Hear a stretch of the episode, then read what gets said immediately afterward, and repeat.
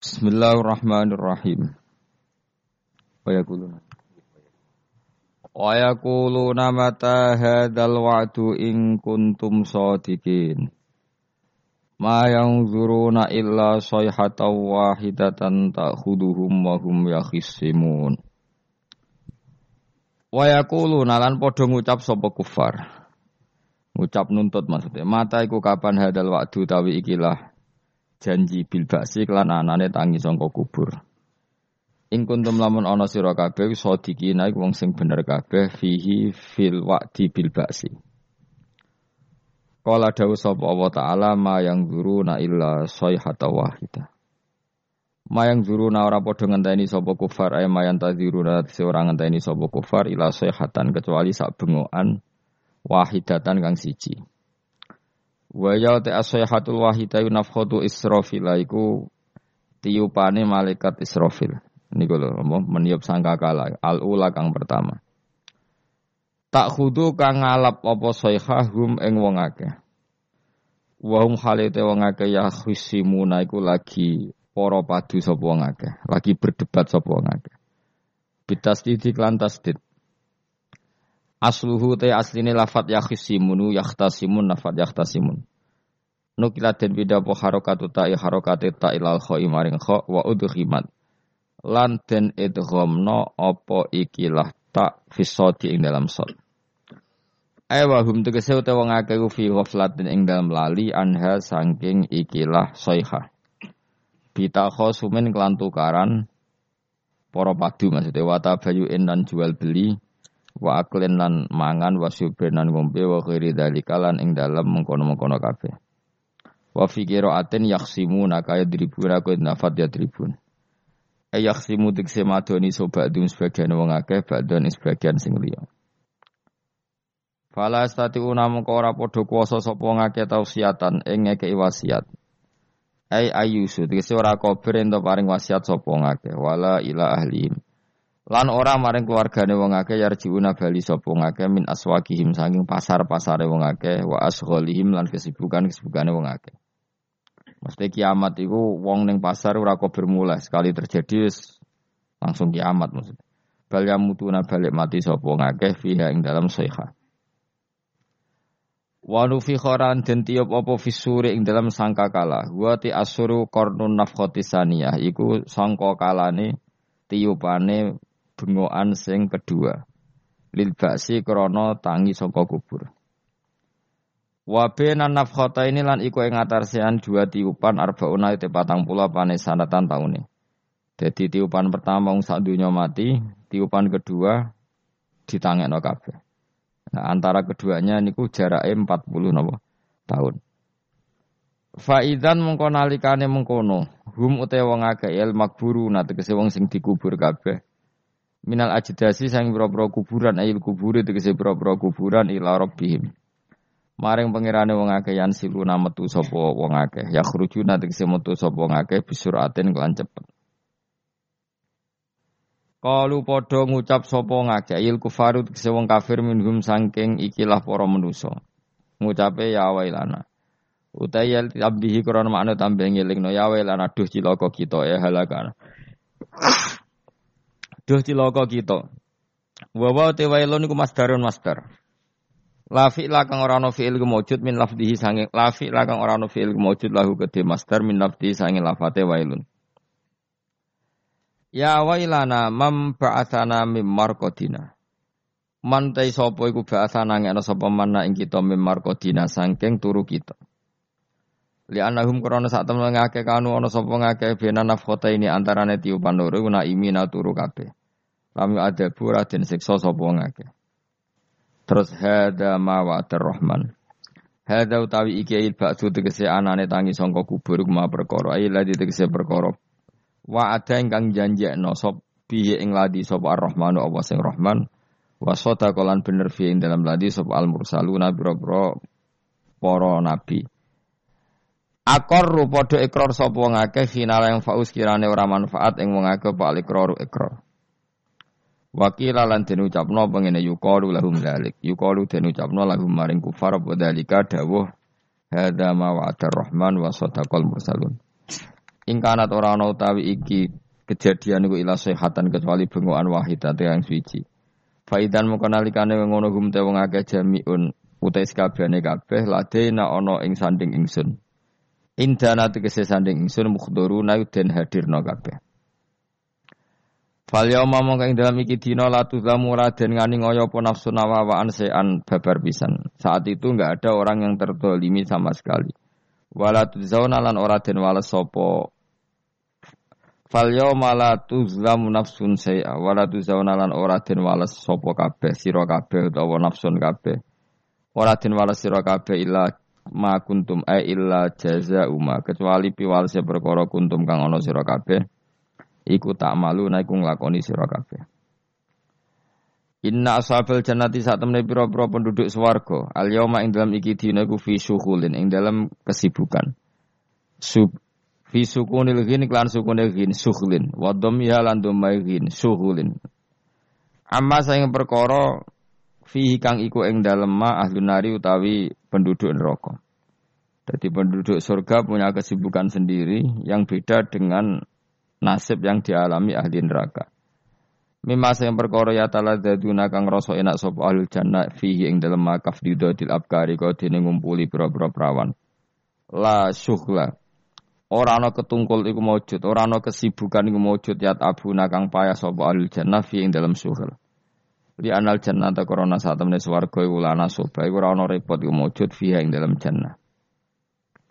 Penduduk swarga sibuk dalam kenikmatan. Fakihuna tur enak-enakan kabeh. Naimuna tegese nikmat-nikmat kabeh.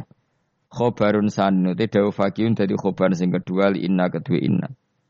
Wal awalu te khobar sing awalu fi suhulin iku lafat suhulin. Dadi inna ashabal jannati fi suhulin ing dalam kesih bukan fakihuna tur iku seneng kabeh. Dadi suhulin pertama khobar fakihuna napa? Khobar kedua kedua.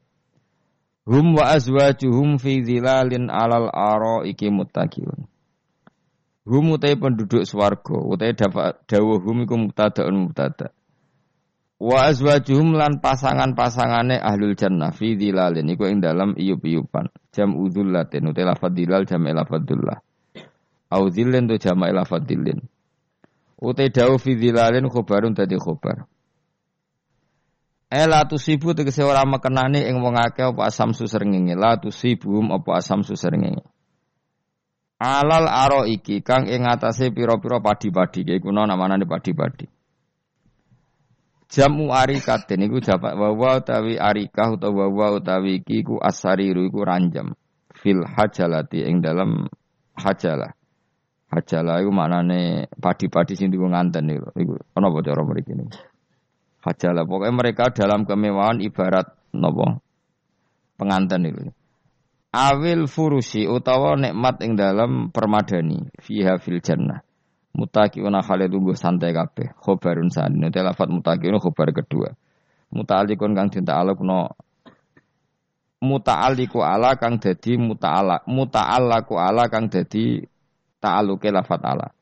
Maksudnya ngeten, mereka lungguh santai, lungguh santai alal aro iki. Jadi unai, jadi muta'alake lafat nopo alal aro iki. Mereka duduk santai alal aro iki.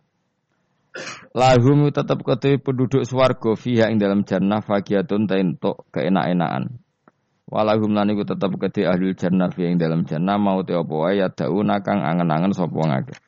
Jadi penduduk swarga angen-angen apa saja kesampaian. Ya taman nauna tegese kang angen-angen sapa ahlul jannah. Dan ini yang penting salamun qaulam rahim. Salamun utawi nopo kalimat salam utawi pernyataan selamat mubtada untuk dapat salam mubtada. Kawalan Khalid den ucapno bil kawali tegese den ucapno utawi khobaruhu kang utawi khobare salam mirrabbir rahim saking pangeran kang akeh welase bihim kelan ahli jannah. Ayakulu tegese dawuh sapa Allah lahum maring ahlul jannah salamun alaikum rupane dawuh salamun alaikum. Niki cerita-cerita sing gampang-gampang guys. Nah sampean kepengen paham ilmu swarga kok ora rasane no. Kok angel menerangno. Pokoke ning swarga iku kepenak napa? Kepenak. Tapi sama nak terang no, swarga niku yes, wis pokoke swarga. Serau bayang nomor swarga. Dimulai saat niki. Ya nak Ya khisimun ngeten wae kan eh, ketika terjadi kiamat niku tak khuduhum wahum akhisimun. Jadi manusia itu takdir itu seneng tukaran. Karena tadi ya, sengketa yang mari tukaran, pendapat baik yang masih nyari yang terbaik, sama-sama kebenaran nyari yang paling benar. Karena manusia itu dari awal kurang penggawean. Jadi barang apik cek no dengan yang luwih nopo apik. Sehingga bayangannya pangeran itu sok ben nak kiamat kapan saja terjadi ku wong lagi sibuk poro padu, lagi sibuk gege gegeran. Wes iku wis mesti. Karena tadi manusa niku pun watak watak dasare niku konflik. Ya tadi misalnya pengurus masjid bahkan mungkin organisasi-organisasi perdamaian itu pas rapat ya tukaran. Padahal organisasi ini perdamaian. Ya tapi pas rapat lalu solusinya apa? Solusinya begini sih, tok debat gini. Padahal nopo organisasi nopo perdamaian. Tapi ya tetap tukaran. Asal cek manusia itu tukaran. Uniknya lagi manusia itu kalau ingin damai juga harus punya alat untuk tukaran. Nah orang ya tidak tidak. Lalu kalau nanti ngaji kitab dalam satu salah satu kitab ada makalah gini. Ida arot ta'asulha fasta'id dalil harbi. Kalau kamu ingin damai, maka siapkan alat perang sebanyak mungkin. Karena logikanya gini ya, kalau misalnya ada bajingan atau penjahat, dia punya bom, punya pedang, terus kamu sebagai orang soleh tidak punya apa-apa, bisa nggak bergening perdamaian? Kan nggak bisa. Mereka terpaksa damai karena kamu punya senjata yang imbang. Jadi kalau musuh kamu punya nuklir terus kayak gak punya apa-apa, ayo damai wae. Kono kan rugi damai. Wong tak bom kena kok damai barang kan itu. Makanya kamu harus punya senjata yang imbang.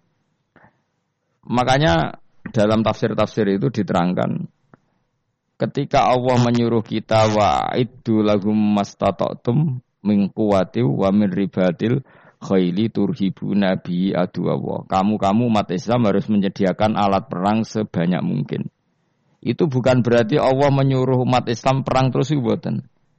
Dalam keadaan dunia yang banyak gesekan seperti ini, orang itu bisa damai justru kalau sama-sama punya senjata. Dan itu teori itu dipakai seluruh dunia. Segamane cara sing didelok wong akeh sing ora jare. Misalnya Amerika kan terkenal dikjaya, Korea Utara ben dirgani Amerika kudu gawe senjata sebanyak-banyaknya. Ya sudah seperti itu, itu sudah teori yang dikatakan Quran. Mata dolim itu nak ora di nak ora diimbangi ya mesti yang satu diinjek diinjek-injek. Makanya dalam fikih Islam itu lucu. Fikih rodok jorok tapi gelem ra gelem kayak kudu setuju. Ya cara fikih itu kayak dibujuk ayu cek elek. Nek ora gelem mbok kumpuli ra wajib mbok nafakoi. Dadi kono iso ngancam gak buka duit rak takai. Ajane rada jorok fikih. Itu cara fikih memang gitu. Perempuan itu tidak wajib melayani suaminya jika tidak dikasih nafkah. Nah, lucunya fikih yang merovokasi sing lanang. Dan wong lanang ra wajib nafakoi nek ora dikai iku wis ora usah terangno iku opo. Jadi fikih itu karena ngikuti teori umum. Makanya Mbah Mun itu fikih kata beliau itu, aku mbak fikih ini kira cocok. Aku apa mau mah tapi dagangan perkara itu. tapi memang secara prosedur fikih gitu. Mana wong kiri-kiri itu panjang juga serang untuk jatah kelon karena raiso nafakoi gitu. itu cara fikih. Memang memang seperti itu. Karena kiri kok pola, no?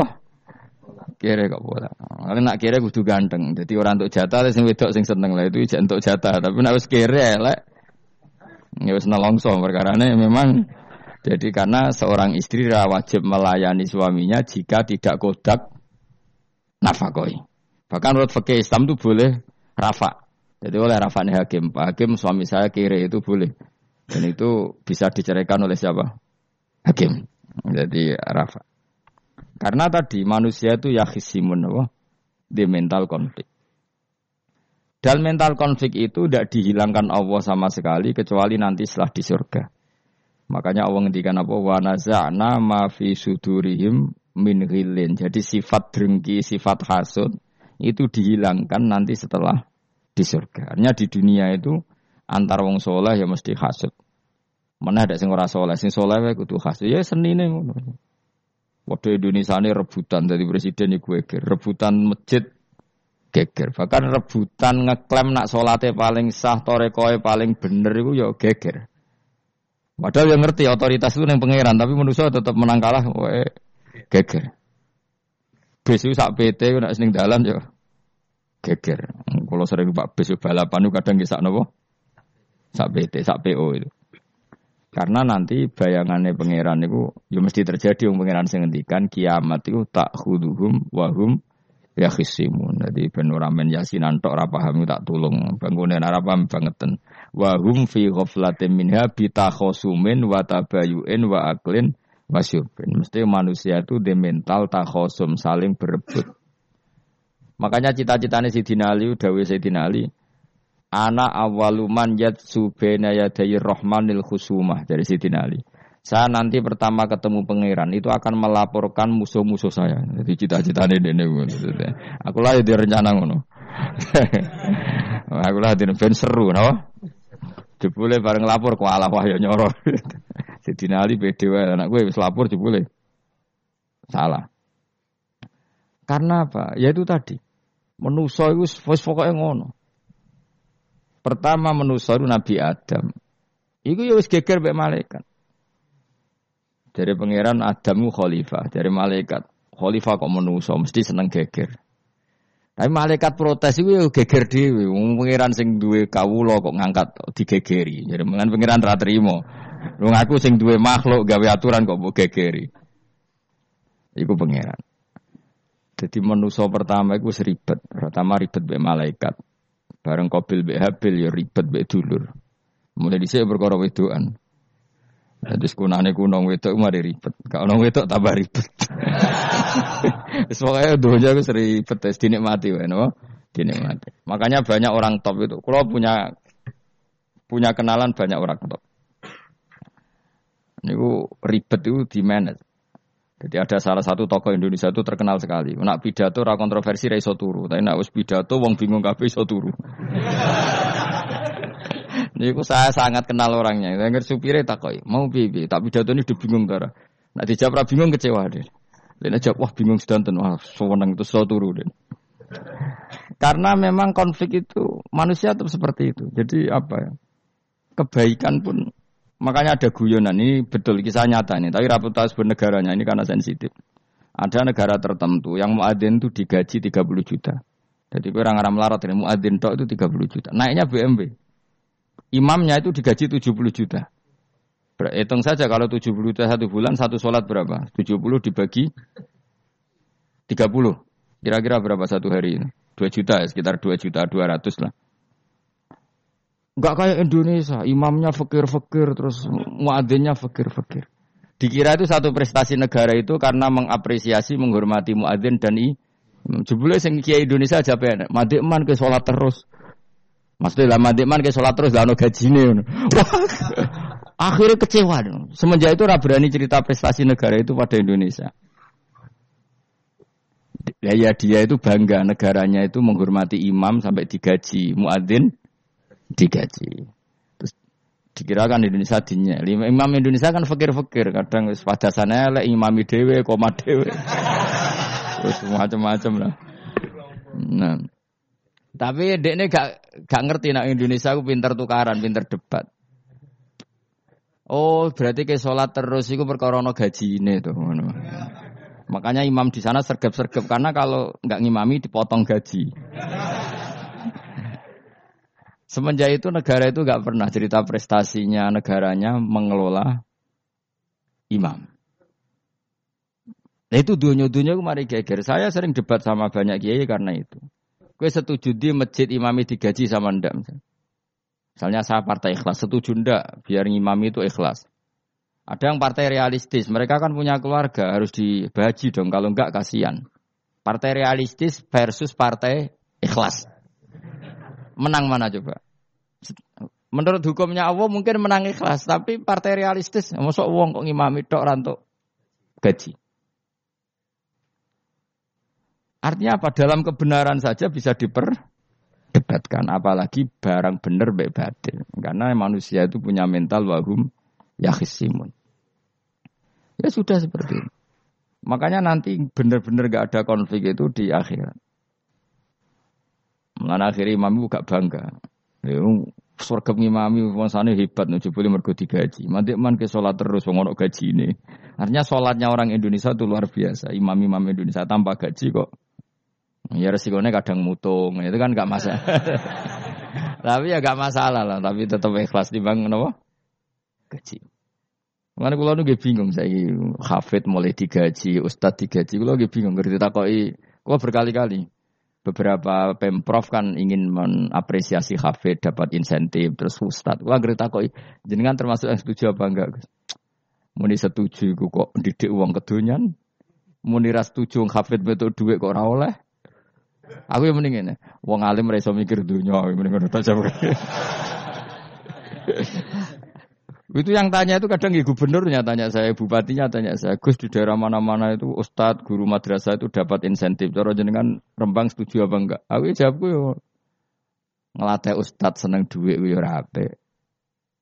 Nentang ustadz untuk rezeki ku yo rape.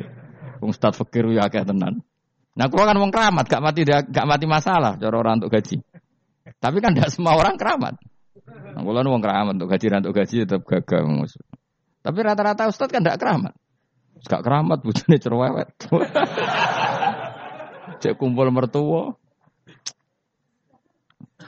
Ndak kalau sampean misalnya jadi ndak ini cerita wakisimun. Seman setuju enggak kalau ada kafe itu dapat insentif? Ayo ngaco. Setuju ora? Loh setuju kafe Terus gue senang kafe itu di mental materialistik. Setuju tak? Ndak. Terus kita setuju. Hafid rada duit. Mungkin ya, kalau jadi ngurusi agama. Jadi memang kebaikan saja bisa diperdebatkan. Makanya dulu kalau ulama, makanya ijtihad itu penting. Ulama dulu itu kalau gejolak-gejolokan itu, dalam hal yang tidak mujma'alah ya tentu dalam hal yang tidak apa mujma'alah itu gejolak-gejolokannya itu nggak pernah selesai karena memang sesuatu itu pasti mirip ke sana, mirip kemari. Makanya disebut ra'yuna sawabun yahtamilul khotok wa ra'yuka khotoun yahtamilul sawab. Pendapat saya itu taruhannya benar dulu tapi ya mungkin salah, tapi pendapat Anda salah tapi mungkin benar karena mirip-mirip. Misalnya zaman sahabat itu sudah jadi perdebatan gini. Setelah Mekah ditalokkan Rasulullah dan setelah Rasulullah wafat, dan Islam sangat-sangat kuasa, bukan sekedar kuasa lagi sangat kuasa. Paling enggak menguasai Mekah Medina. Itu perdebatannya gini. Kita keluar Medina apa enggak? Sebagian sahabat, enggak kita di Medina, ini ardu Rasulillah, ini muhajaru Rasulillah, tempat yang dipakai hijrah Nabi. Kita keluar dari Mekah enggak, enggak usah. Sholat di Mekah itu fadilahnya sebagaimana seribu sholat. Wah debat gitu. Yang separuh enggak. Nguyai segoro itu apik tau orang. Mekah Medina sekarang sudah jadi negara Islam, tapi banyak bumi lain yang belum ada Islam. Menyebarkan Islam itu penting, nggak penting. Efeknya meninggalkan Mekah Medina. Hanya separuh sahabat yang meninggalkan Mekah Medina. Mimbainihim itu orang-orang keren, Kak Sayyidina Ali. Sayyidina Ali akhirnya sakan Al-Kufah. Dia hidup di mana? Kufah. Abu Darda hidup di Syam. Salman Al-Farisi hidup di Palestina. Karena dia milih pendapat, kok nguyai segoro, sehingga sampai harus ditinggal. Akhirnya menyebarkan Islam ke mana-mana. Termasuk barokahnya madhab itu ada yang ke Cina, terus terdampar di Selat Malaka, terus ada yang ke Aceh. Makanya banyak yang berpendapat Islam masuk Indonesia ya era apa soha, sahabat. Tapi kalau ditanya, bagaimana hukumnya meninggalkan Mekah Medina? Ya buruk, negara sebaik itu kok ditinggalkan. Tapi bagaimana hukumnya membiarkan bumi lain tanpa dai? Ya buruk. Terus kayak jawabmu biar. Jadi dalam kebaikan saja ada perdebatan. Kayak gue ya misalnya, dia hukumnya dolan mbek konco traktir ya ape. Dia hukumnya neraktir konco nganggu jatah belanjane bojo. Elek. Akhirnya jadi ngelanang-lanang, jono dewi ke sono jatah bojo atau jatah konco. Karena duitmu cukup, nak ora. Ya itu udah semua manusia itu wahum ya Makanya Sampean kalau beda pendapat itu sing biasa wae. Joko wong saiki kan beda pendapat geger. Beda pendapat itu sudah fitrah. Enggak mungkin lah. Kita ada beda pendapat itu enggak mungkin. Di kampung-kampung kalau ada masjid speaker di mana-mana, saya sering ditanya. Wadah yang pro. Gus, kandani nak adan juga banter-banter, mengerameni tonggo. Nak niat sholat rasa adan nak isteko. Bar. Sing sitok. Sing sitok, yo ora kudu banter ben siar. Sing sitok. Mau sedemen dipisoi tok, mergo sing ora seneng malah mau misoi tok. Sing wis seneng tanpa adan pun yo tanpa adan rame-rame maksudnya wes. Salat ke milih ndi? Dulu tuh perdebatannya gitu. Abu Bakar nak wiridan yang masjid itu wirih banget. Selirih-lirihnya. Umar nak wiridan bianter. Tapi ranggusan sistem ngomong zaman itu. Tapi banter aja. Tapi ini lah. Intinya sengrame. Ketika Abu Bakar ditanya Rasulullah ya, ya Abu Bakrin kenapa kamu melirihkan suara? Jadi saya itu malu sama Allah. Dia itu zat maha mendengar. Jadi saya mengeraskan suara itu malu. Kayak pangeran butuh suara keras saya. Umar ditanya, kenapa kamu terlalu keras? Umar jawabannya sederhana, benar ngantuk. Makanya nggak ada satupun ulama yang mengatakan Umar itu Abdul min Abi Bakar. Mungkin jawabannya itu kadang sederhana banget. Malahnya ijma di sunnah itu Abu Bakar Abdul min Umar. Kalau nak jawabannya beneran ngantuk. Padahal jawabannya Abu Bakar. Kalau nu izin kalian pangeran yang maha pendengar kok banter-banter. Rasulullah dalam banyak hal ya gitu. Ketika banyak masalah, itu sahabat dungo banter-banter. Nabi duko. Innakum latatuna asomma. Kamu tidak berdoa sama dat sing budak. Maka kamu nggak usah banter-banter. Jadi andai kan ada istighosa pakai sound system banter-banter itu ya perlu dipertanyakan. Lalu pengiran wis krungu gegere ngono lho misalnya. Tapi misalnya mazhab itu kamu pakai. Terus ada pertanyaan, dangdutan saja banter. Kenapa kalimat toibah tidak boleh banter? masalah mana? Ya asal isi dunia itu masalah. Kemilah dia. Ini cerita saja. Kalau manusia itu istighosa jaluk tulung sama pangeran kan? Pangeran sudah dengar tanpa sound system apa enggak? Kenapa banter-banter? Iya, Tapi kalau tadi dibalik dan duta saja banter-banter, kenapa kalimat toibah tidak boleh banter-banter? Jadi manusia itu memang potensinya itu ya khisimun dalam kebaikan saja khisimun. Jibril kurang kondangi itu buantai malaikat-malaikat liane. Masyur itu. Siapa yang nggak ngerti Nabi Ibrahim? Nabi Ibrahim itu is nabi keren. Diobong neng geni sampai Namrud. Jibril datang. E, saya utusan Tuhanmu. Melihat kamu mau dibakar simpati. Nah, terus piye jari jari Nabi Ibrahim? Yo nak gue juk tolong tak tolong ya. Eh, ndak saya tidak minta tolong sama kamu. Wong kowe aku bodoh makhluk e. Kena wani ngomong ngomong Jibril. Nabi Ibrahim santai. Maksudnya aku rabe aku sing nulung, kue kondo aku tak no pangeran. Jadi malaikat Jibril, jadi Nabi Ibrahim, lo nak soal pangeran, rasa kondo kue pirsa. Artinya ngene, lo podo kekasih pangeran itu bantah-bantahan aja nih, maksudnya. Namun nang partai politik orang main geger. Mana anak partai politik geger biasa, Wong Jibril geger Nabi itu. Biasa wae. Ngene ki sampeyan takoki mungkar nangkir kudu wani ben ben seru napa? Takoki buka, kula guru TPQ.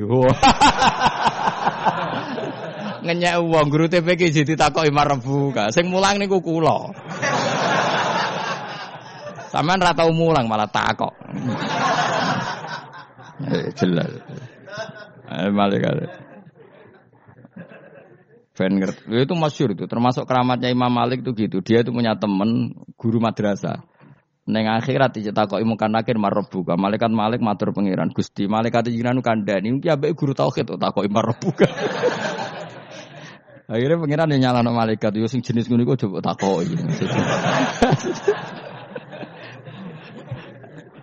lucu dong guru tauhid takoki. Sesuai kajian Nabi bisa takoki waman Nabi juga. Malah perkara tok. Nabi Muhammad terus takok Iwaman. Piye to aku nabi malah takok Iwaman Nabi. Makanya menurut pendapatnya ulama-ulama itu eh, pertanyaan mungkar nakir itu tidak bisa digeneralisir. Tidak semua orang mengalami itu. Saya tidak punya rencana untuk mengalami pertanyaan itu. Karena pasti pilih-pilih. Nah, angger wong ngono Kanjeng Nabi kena pisan. Terus Kanjeng Nabi apa kena pertanyaan waman Nabi Yuka. Kan ya ora kebayang. Makanya masyur itu. Uh, sama lihat di kitab Nurul Dolam itu karangannya Syekh Nawawi. Syekh Nawawi Al Bantani itu sarahnya apa itu Akidatul Awal. Yang Nurul Dolam yang sarahnya apa? Akidatul Awam itu. Itu dikarang Syekh Nawawi. Itu di antara keramatnya siapa itu? Sayyidina Umar. Sayyidina Ali itu pernah minta ya Allah beri saya kasaf mukasafa. Mau kepengen roh meletene Umar zaman ning dunia ngeruang disentai. Jajal dekne iku hubungane piye mbek mungkar nakir. Wani gak nyentak mungkar nakir. Mergo Sayyidina Ali Umar tuh neng dunia kenangannya wong tahu disentak Umar. Jadi wani gak nyentak sinten? Mungkar nakir. Minta sama Allah supaya ngalami kasaf. Kasaf itu ya ya mukasafa lah. Mukasafa tawalam gaib. Itu di dunia wali biasa, nak kira tahu ya bangetan. Di dunia wali itu biasa dan itu pasti mustajab. Muka safan, Umar mati kabundut ditunggu nih minta kasaf kan. Tawanan. Umar tangi turu, tangi ke kuburan nih sewante. Maka akhir teko dengan wajah yang sangat mengerikan. Mesti dinali no wajahnya itu kal kidril kali kaya ompreng sing apa? Nyala. Wes seru. Wah, tidak Ali kalah iki kiok, rasanya kiok. Ternyata apa? Buar muka akhir baca kono Umar ngupatek. Kamu tahu kamu ngedapi siapa kamu? Saya ini teman dekatnya kekasihnya Allah. Ada ini nggak ada Allah kancane.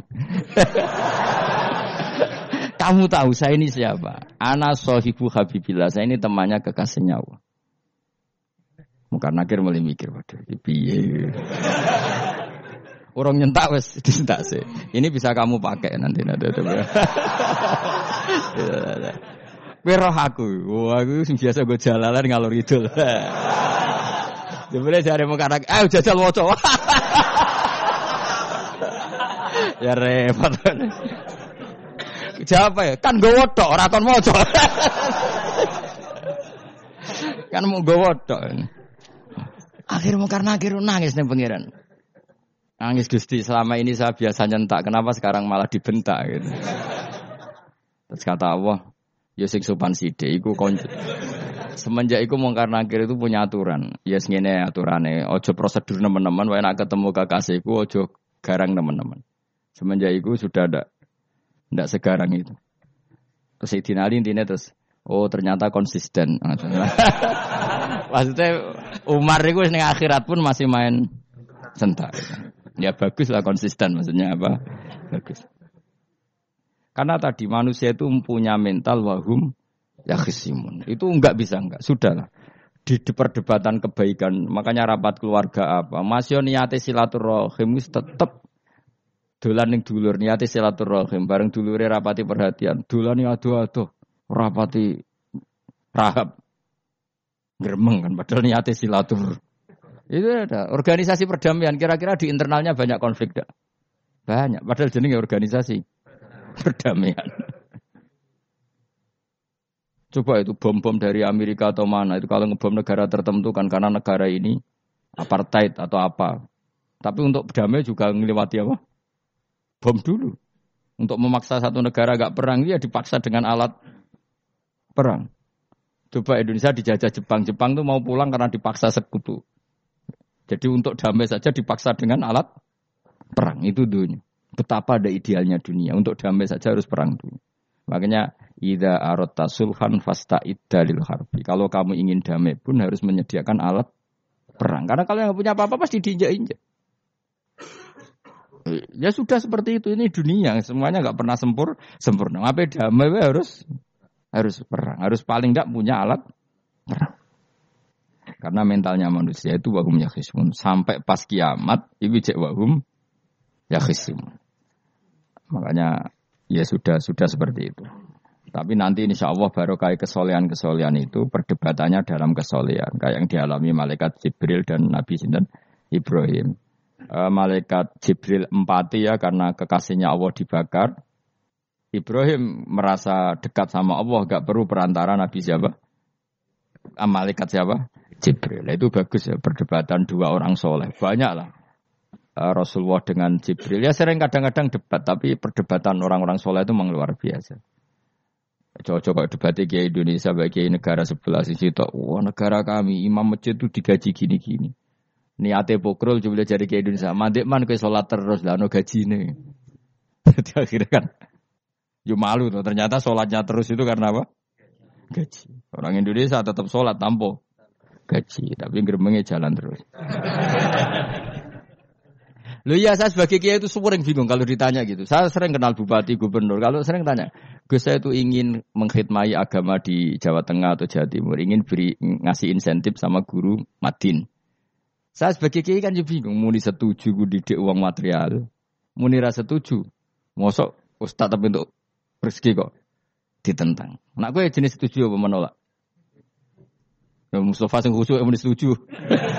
Wes bosan deh nabi melarat.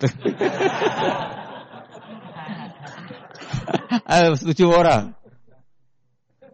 Nah aku mau ngalim ada takdir. Suara kena dipikir itu ya suara kena dipikir. Ya karena tadi sudah wahum ya khisimun itu apa? Wahum ya khisimun. Ya sudah, ya sudah seperti itu. Mohon kalau terus nang. Wamtazil yauma ayyuhal mujrimun. Waya kurulan dawu sapa Allah taala. Imtazil yauma. Nggih niki oleh nafsir Imam Suyuti wamtazil yauma ayyuhal mujrimun terus wawune niku dilebokno lafat yaqulu e wa yaqulu. Tegese lan dawuh sapa Allah taala dawuh imtazil yauma. Imtazu misau sira kabeh al yauma ing dalem iki dina ayyuhal mujrimuna he wong-wong sing dosa. Dan iki nunjukno nak zaman ning donya iku kancanan wong kafir sing ora harbi ki angsal. Mergo orang bener-bener terpisah dari wong kafir teng akhirat. Makanya ulama-ulama ya tidak mengharamkan misalnya ada mahasiswa Indonesia kuliah di Jerman atau gak apa-apa. Sementing jaga imannya. Karena wajib terpisah mbek wong kafir iku nak wis teng akhirat imtazul yawma ayyuhal mujrimun e infaridu adil mukminin indakhtilatihim bihim. Saat di akhirat benar-benar orang mukmin harus terpisah dari orang kafir karena alamatnya berbe berbeda. Tapi kalau di dunia kan ada hajatil muamalah, ada hajat muamalah. Ya, tadi asal tidak harbi, ada asal kafir yang tidak musuhi kita. Karena ada hajat muamalat. Ya, ada hajat apa? Muamalat. Mau tidak mau. Misalnya kamu ya haji ya pakai pesawat bikinan Amerika. Orang Amerika bisa punya uang ya nak pesawatnya kepayon tigo haji. Kalau enggak ya ada yang rental ya bangkrut. Ya, tapi kue nak misalnya ranggu pesawat terus sampai melaku. Ya asal di dunia itu pasti ada saling apa, interaksi sosial. Paham ya? Nah, nanti benar-benar terpisah wam tazil yoma mujrimin itu nanti, nabo nanti. Guys, gak bisa dihindari. Wamtazulan misau sira kabeh al yauma ing dalem iki dina ayyuhal mujrimuna he eling-eling sing Saya punya sekian cerita ya supaya sama tidak jadi ekstremis. Allah mentakdir dunia itu sudah seperti ini. Sudah kamu tidak boleh protes. Kayak apa Nabi Musa itu Sofiyullah. Sing rumat Nabi Musa cilik sapa? Fir'aun. Ketika Rasulullah lahir itu panitiane ra ya Abu Lahab. Wong roh kabeh. Pas Nabi lahir kowe Abu Lahab berjasa ndi? Berjasa Abu Lahab. Abu Lahab saking senenge ponakane lahir lanang ganteng itu candaleme dekne mestine itu penting bagi dia dihibahkan ke Sayyidah Ami. Nah, ini jenis Suwaibah napa? Al Islamiyah. Cara Jawa wis kira usah ngewangi aku nduk ngewangi dulurku wae mergo duwe bayi. Kayak apa? Dia yang tasakuran, yang ribet karena iya kekasih pangeran di rumah Abu Lahab. Musa di rumah Fir'aun. Ini dunia serai dia. Ya sudah seperti itu. Kamu mau apa? Lah pengiran yo risi tenang aja. Misalnya ben Abu Lahab protes, kalau nanti ngurmat kekasih jenengan, iya dunia aku sih Selesai kan? Dunia aku dipangan kekasihku selesai kan? Misalnya Fir'aun protes, rian sing ngurmat Musa kula lho Gusti, nganggo zobo. Dunia nih jenengan ya wes masalah ya apa? Pangeran santai wae. Tapi nak gue ada bayang wong soleh kudu steril kau wong kafir lah terus gue gak tau mau sejarah. Nabi Musa itu rumah Fir'aun. Lahirnya kanji Nabi ini musim manitia nih. Abu Lahab. Yes ngono dunya biasa wae, wae urip wis biasa wae. Maksudnya biasa wae, penting soleh, di hati soleh, rezeki ya minallah. Wae taluk gue pangeran, usah sok suci, usah sok bener dewi biasa wae. Dunya wis kabeh kersane napa? Pangeran. Ya sudah seperti ini. Yang soleh koyok salabah malah akhirnya suul khotimah. Padahal dulu disebut hamamatul masjid, tukang itikaf. Gak tahu mulai ke masjid, tapi akhirnya suul khotimah. Wahsi sing mata ini kekasih Nabi, rupanya mata ini Hamzah, ditekdir husnul khotimah. Makanya itu ya mukolibal kulub, tabit kolbi ala Ini kita tidak pernah tahu. Nah kenapa kalau saya ngaji PD, mereka aku muji pangeran, saya tidak pernah mikir awakku, tak penting awakku, penting muji pangeran. Ngaji itu artinya kan muji pangeran, muji ilmu nih, pangeran ya sudah selesai. Itu anak gue dungo, dungo itu mikir awakmu dewi. Mulane dungo mek ngaji ku derajatnya dhuwur ngaji, mereka ngaji muji pangeran, nak dungo mikir awake dewi. Makanya masyur itu ada dua kelompok di masjid, yang satu diskusi halal haram, yang satu berdoa.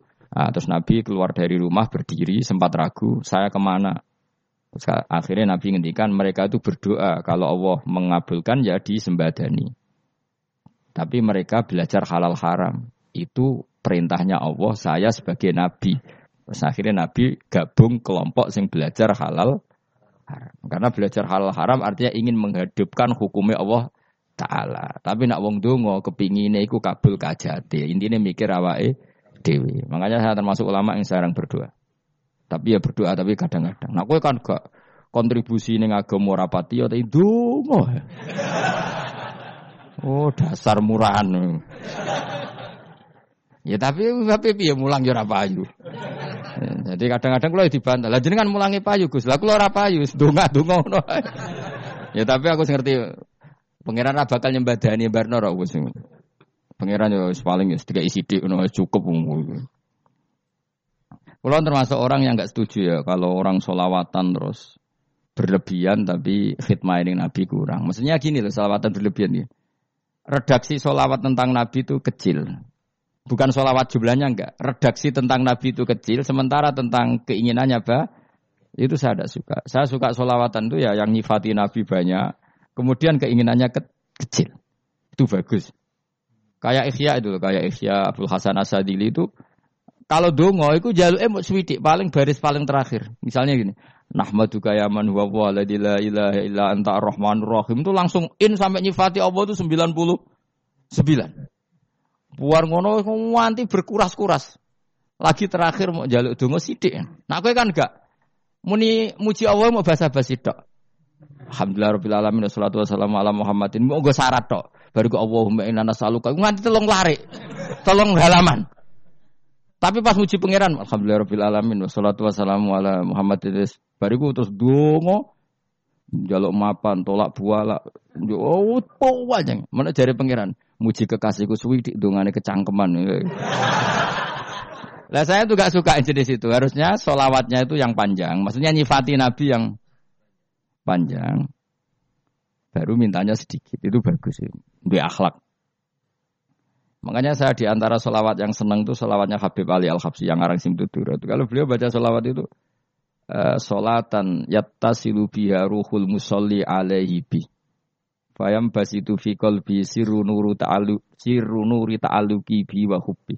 Wa yuktabu biha bi inayatillahi ta'ala fi hisbi. Jadi dia baca solawat itu Ya Allah berikan solawat kepada kekasihmu Muhammad. Dengan solawat ini rohnya saya, musolli itu rohnya saya yang membaca solawat bisa sambung dengan rohnya Rasulullah. Dan setelah sambung saya terhitung sebagai orang yang mencintai Rasulullah. Dan saya berharap dari cinta itu saya tertulis sebagai umatnya. Nah, aku kan enggak mau solawat itu mau Saya termasuk orang yang enggak saya loh ya. Tapi ya tetap baik dibang nganggu primbon ya satu solawatan ini. Tapi boleh punya etika lah dengan Rasulullah itu. Boyo kalau dungo nyifati Nabi yang banyak, ya baru keinginan.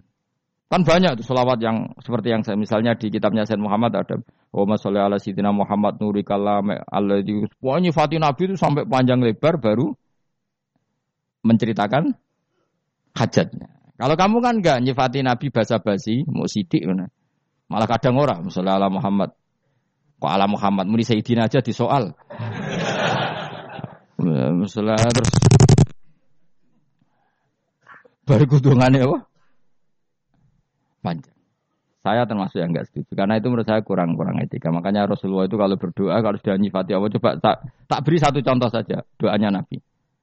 Uh, Alhamdulillah hamda yuwafi ni'amahu wa yukafi mazida ya Rabbana lakal hamdu kama yanbaghi li jalali wajhika sultanik la nuksi sanaan ka anta kama asnaita ala nafsi. Itu sudah berapa itu nyifatina itu belum doanya. Nah kamu kan enggak? Allahumma uh, alhamdulillah rabbil alamin. Allahumma ya Allah di hajati gremeng seramu tuh jangan gak bakat wali. Nah cara kula iku sisen ngono. Kula yo sering ngamini dongane wong ngono tapi ning atiku ning atiku amin maksudnya amin. Barno mawon Gusti. Tapi aku amin tapi amin ku barno mawon Gusti. Wong ora jelas ngono berarti. Jadi aku muni amin tapi amin barno maksudnya ya Allah barno amin ngono maksudnya. Jadi karena tadi setahu saya doanya para nabi, para wali itu memang seperti itu. Ya coba itu doa tadi aja yang saya, sebut itu berapa kalimatnya? Apa? Uh, Alhamdulillah hamda yuwafi ni'amahu wa yukafi mazida. Ya rabbana lakal hamdu kaya membayi di jalali wajika adimi sultanin la nuksi sanaan alika anta kama asnita ala terhitung pujian saya kepada engkau. Sebanyak engkau memuji pada diri engkau sendiri. Allahumma ini a'udzu biridho kami sakhotika fi mu'afatika min uqubatika wa bika minkal. Allahumma sholli bi haqqi jabarutika wa bi kan panjang sekali doanya wali-wali itu, tapi semuanya mensifati Allah. Bahkan banyak yang in kemudian lupa enggak doa. Coba haji, doa haji itu coba. Labbaik Allahumma labbaik la syarika lak. Innal hamda wa ni'mata laka wal mulka la syarika lak. Wa ni'mat itu kan labbaik saya siap melaksanakan perintahmu ya Allah sa'dek. Engkau yang punya pujian, engkau lah sari kalak kalau itu malah nggak ada, jarang malah ada doanya. Itu kalimatnya talbiah semua. Allahumma antal azul akrom itu sudah seperti itu. Karena tadi al mukmin yashghaluhu sana ala Allah min ayyaku nali nafsihi dzakiran. Mukmin sejati adalah sibuk memuja Allah sampai lupa jatah dirinya sen sendiri. Nah, gue kan gak mujine Allah basa-basi dongane tenan. Itu jadi makhluk aneh, itu jadi hubungan mbak pangeran itu wong aneh. Ya tapi jangan rabakat wali, semuanya ikut jadi ini, semuanya ikut. Ya dok ngono, kok mari wali kakean malah gak elit. Jadi, kena. Tapi saya mohon lah, itu di solawat-solawat itu usahakan jumlah paling enggak jumlah solawatnya banyak, doanya sedikit. Paling enggak misalnya kamu tidak punya kalimat yang apa baik ya mau solawat ping satu, tuh gak ada salah biar gue iling-ilingan apa Eh, kita menyebut kekasihnya Allah lebih banyak ketimbang kita menyebut hajat kita sendiri ya gitulah paling tidak punya etika seperti itu ya kalau kamu nggak punya segot-segot sing keren bacalah selawat berapa 100 terus cerita awam Gusti utang kulo kata mungkin raja wis roh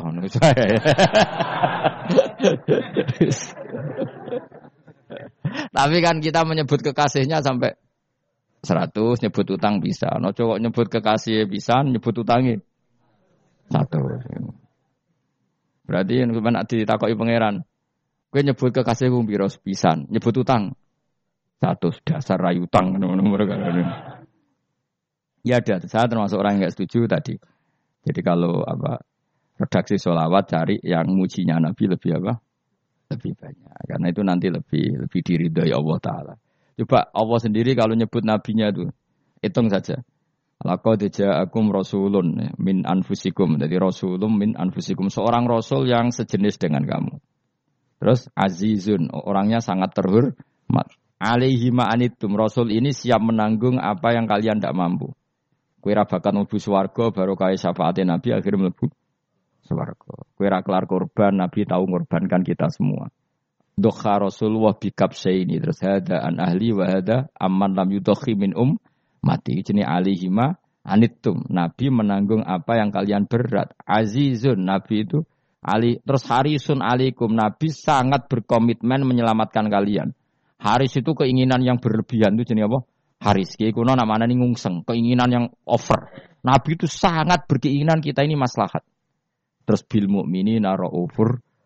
Allah yang dat yang super saja kalau nyebut nabinya nyifati sebanyak itu. Ada ayat lagi misalnya Rabbana wab'ats fihim rasulam minhum yatlu alihim ayatika. Muhammad itu siapa? Seorang rasul yang membacakan ayat-ayat Allah. Wa yu'allimuhum, seorang rasul yang mengajari mereka Alkitab bawal hikmah. Wa yuzakihim, seorang rasul yang membersihkan akhlak-akhlak kita. Jadi artinya Allah punya tradisi kalau nyifati Rasul itu banyak. Juga nyifati orang-orang sekeliling Rasul. Makanya menurut saya eh, madhab Syiah itu nggak pas. Karena Allah kalau nyifati Rasulullah itu jika nyifati orang-orang di sekeliling Rasulullah. Dan itu dengan pujian.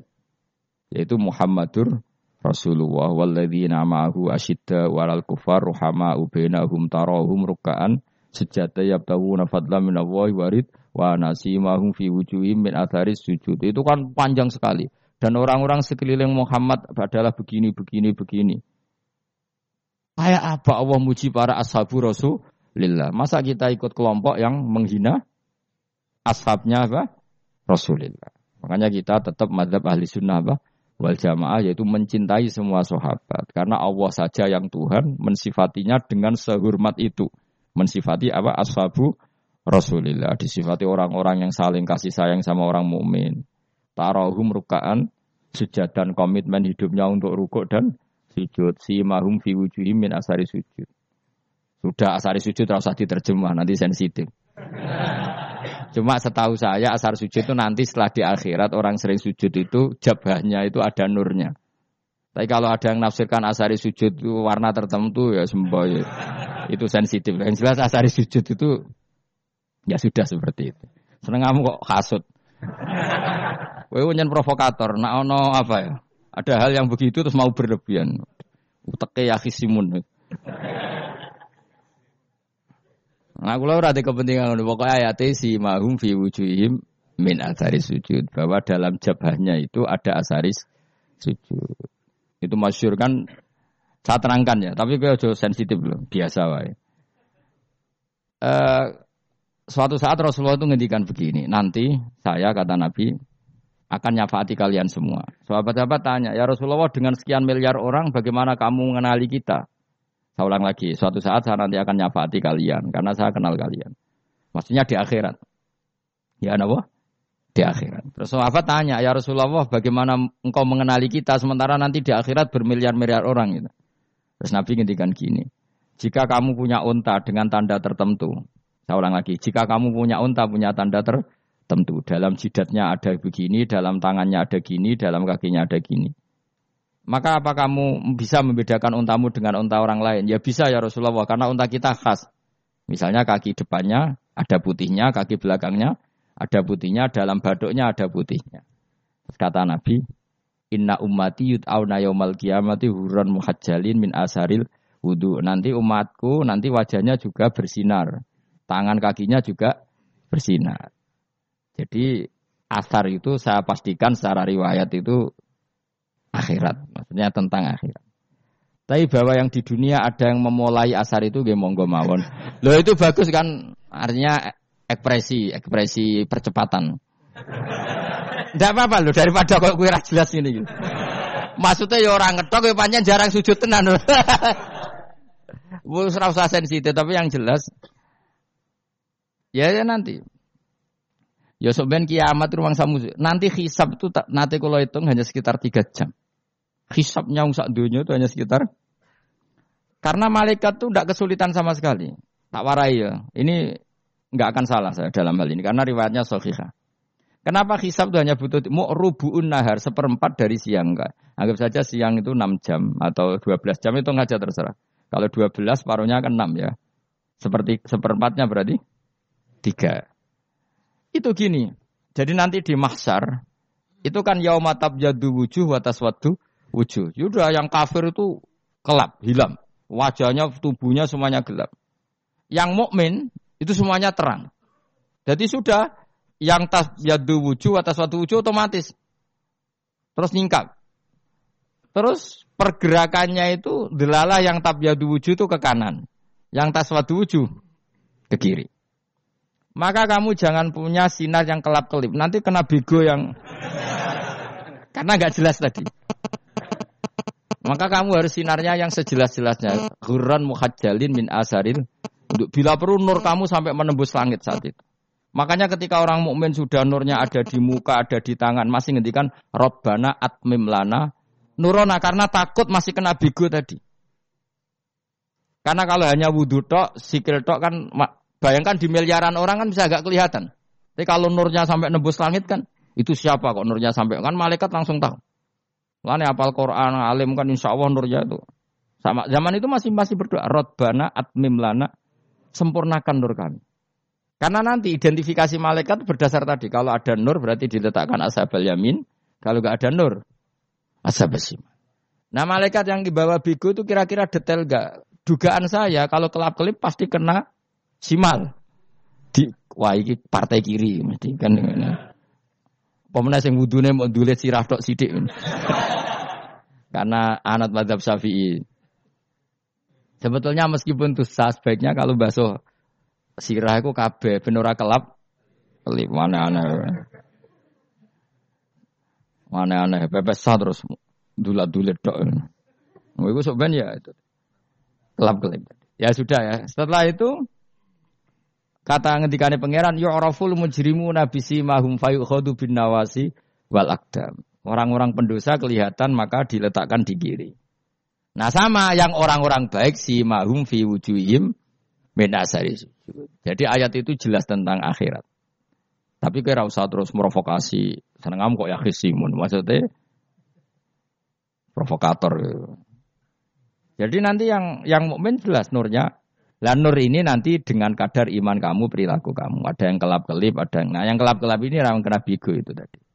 Nanti setelah kena bigo ikut ashabi simal, yang kelap-kelip disortir lagi malaikat yang bagian detail kan ada nanti. Nah ini terus ditubir neraka. Yang kafir benar-benar neraka, yang ini ditubir neraka.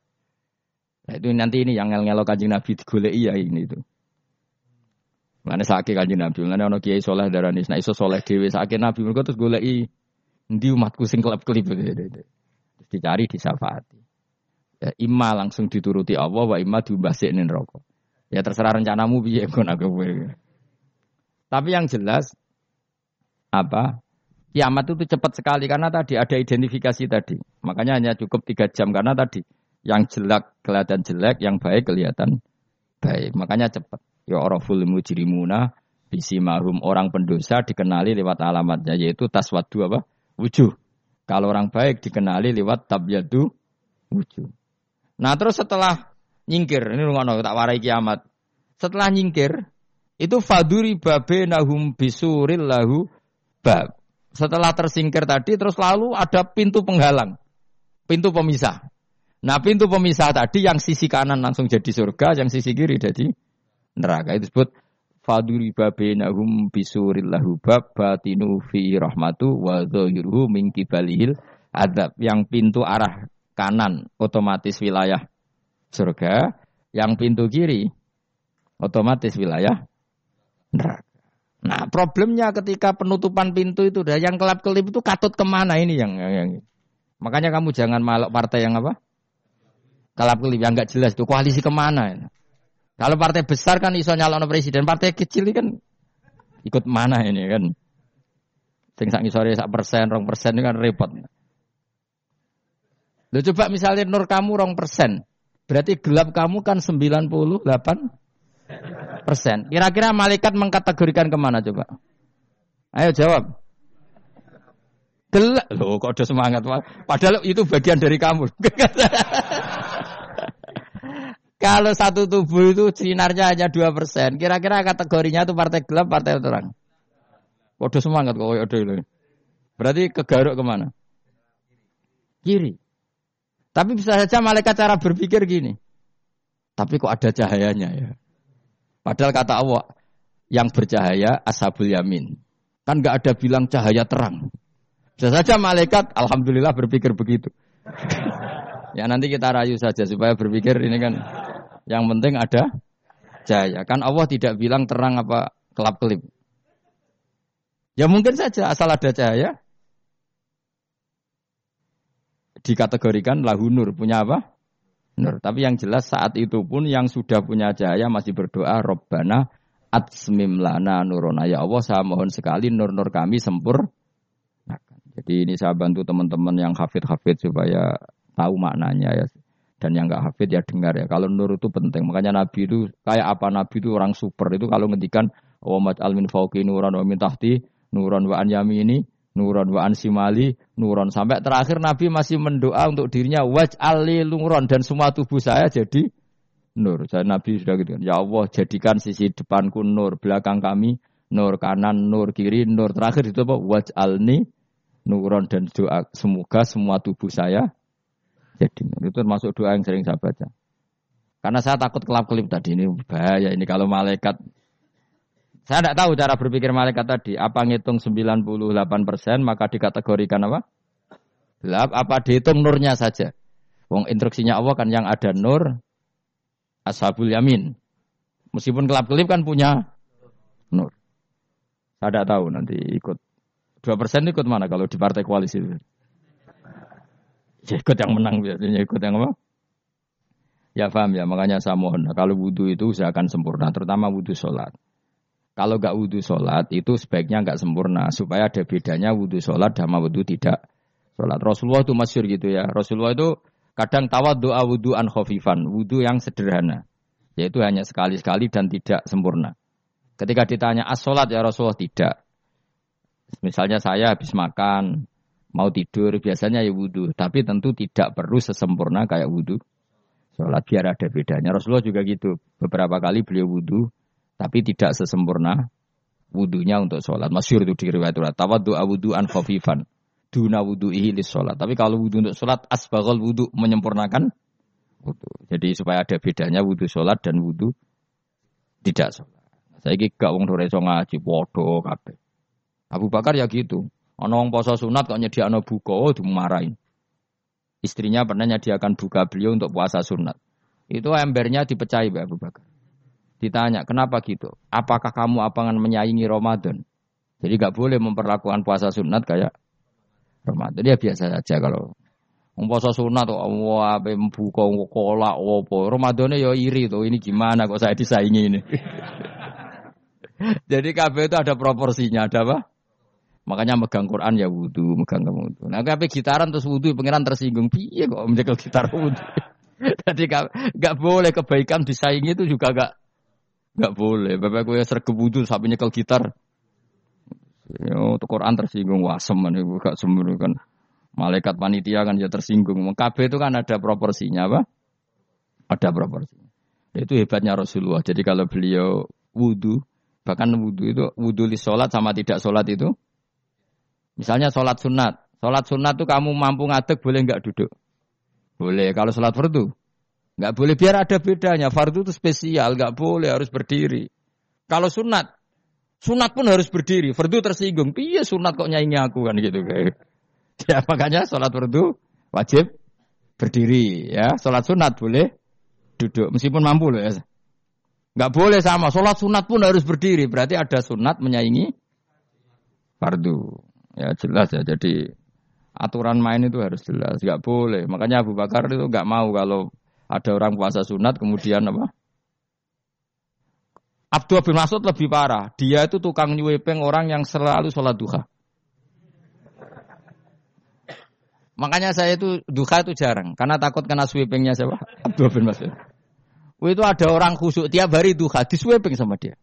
Apakah kamu menjadikan sholat ini jadi fardu? Kok buat lakoni bedino? Awas nampak lakoni bedino. Di era akhir duha dilakoni bedino. Perkara ini butuh duit. Oh itu kalau zaman Abdul Mas'ud kena sweeping apa? Karena berarti menandingi far far. Yes, kira usah anut ilmu ku bahaya itu di sensitif.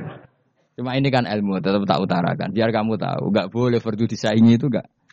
Coba kan banyak ketentuannya tadi. Contoh paling gampang itu apa? Kalau sholat fardu boleh, nggak boleh apa? Duduk. Sholat sunat boleh duduk. Sholat sunat boleh di kendaraan sesuai jalannya kendaraan. Ayat nama tawajjahat bi rohilatu. Kalau sholat fardu, kalau kamu naik unta harus turun untuk memastikan di kiblat. Jadi banyak sholat sunat kamu dalam keadaan najis sudah tidak boleh dilakukan. Kalau sholat fardu, karena saking pentingnya fardu meskipun dalam keadaan najis tidak menemukan alat sesuci harus tetap sholat. Jadinya sholat dihormatil waktu karena nggak boleh fardu ditinggalkan. Meskipun nanti harus iya dah. Karena nggak boleh mengalahkan fardu meskipun itu oleh najis. Jadi misalnya kamu pergi hanya bawa satu celana, kemudian di terminal atau apa kena najis, kena uyah sampean misalnya, kamu harus tetap wudhu dan sholat. Karena nggak boleh fardu ditinggalkan. Meskipun nanti harus iya dah, karena sholat kamu tidak sempurna. Dalam keadaan celana kamu najis, boleh nggak sholat sunat? Oh nggak boleh. Karena kalau fardu itu darurat memang suatu yang harus maka dilaku dilakukan. Tapi kalau kamu dalam keadaan nggak suci nggak boleh melakukan sholat apa? Sunat. Karena fardu itu spesial apa? Spesial. Bukan kalau terus nanya. Wamtazul yauma ayyuhal mujrimun. Ya, jadi orang mujrimun harus terpisah dari orang apa? Mukmin dan yang keharusan itu ketika di surga. Tapi kalau di dunia ya boleh muamalah boleh. Ya muamalah yang halal maksudnya. Eh infaridu tegese misal sira kabeh ana mukminin asing biro pira mukmin indaktilatihim. Nalikane campure kufar utawa al mujrimin bi kelan al mukminin. Utawa rujuke balik betul napa Maksudnya rujuk itu balik ke sami indaktilatihim mukminin bi kelan kufar atau kufar ning mukminin. Alam ahad ilaikum ya bani Adam. Alam ahad ana ta ora merentano ingsun ilaikum maring sira kabeh. Amurkum tegese ana ta ora merentano ingsun kum ing sira kabeh ya bani Adam ya bani Adam. Ala lisani rusuli ing atase lisane para utusan-utusan ingsun. Bukankah saya telah merintahkan kamu wahai bani Adam Allah tak butuh setan. Yen ora menghamba sira kabeh asetan ing setan. Ngendikane pangeran ku ijek kanut setan ku cek nemen nih. Bukankah sudah saya perintahkan kamu tidak boleh diperbudak napa setan. Maknane la tuti tegese aja taat sira kabeh ing setan. Inna sak temene setan laku maring sira kabeh aduun musuh mubinun kang jelas. E bayinul adawati banget musuhane. Wong setan musuhmu kok malah mbok nut bocah kok sarap ngono. Karwan musuh kok di nut. Anut ya pangeran mergo Allah wali fid dunya wal akhirah. Wa anik budu nilan yen to nyembah sira kabeh ni ingsun. Wa anestune kelakuan budu nyembah sira kabeh ni ingsun wahidu tegese nglakoni ya tauhid sira kabeh. To mengesa kakno sira kabeh ni ingsun. Wa ati ulan atau sira kabeh ni ingsun. Harusnya kita hanya ibadah ning Allah Subhanahu wa taala karena dia yang menciptakan kita, tempat kita kembali. Setan itu tidak siapa-siapa. Makhluk yang hina, yang lemah. Kok kowe malah taat. Taat ya ning gone sing super, sing gawe kita, sing memberi rezeki kita dan dat yang kita kembali kembali. Hada utawi iki maksudane taat ning Allah taala. Hada ay al madkur min taat iku siratun ku dalan tori kontek dalan mustaqimun kang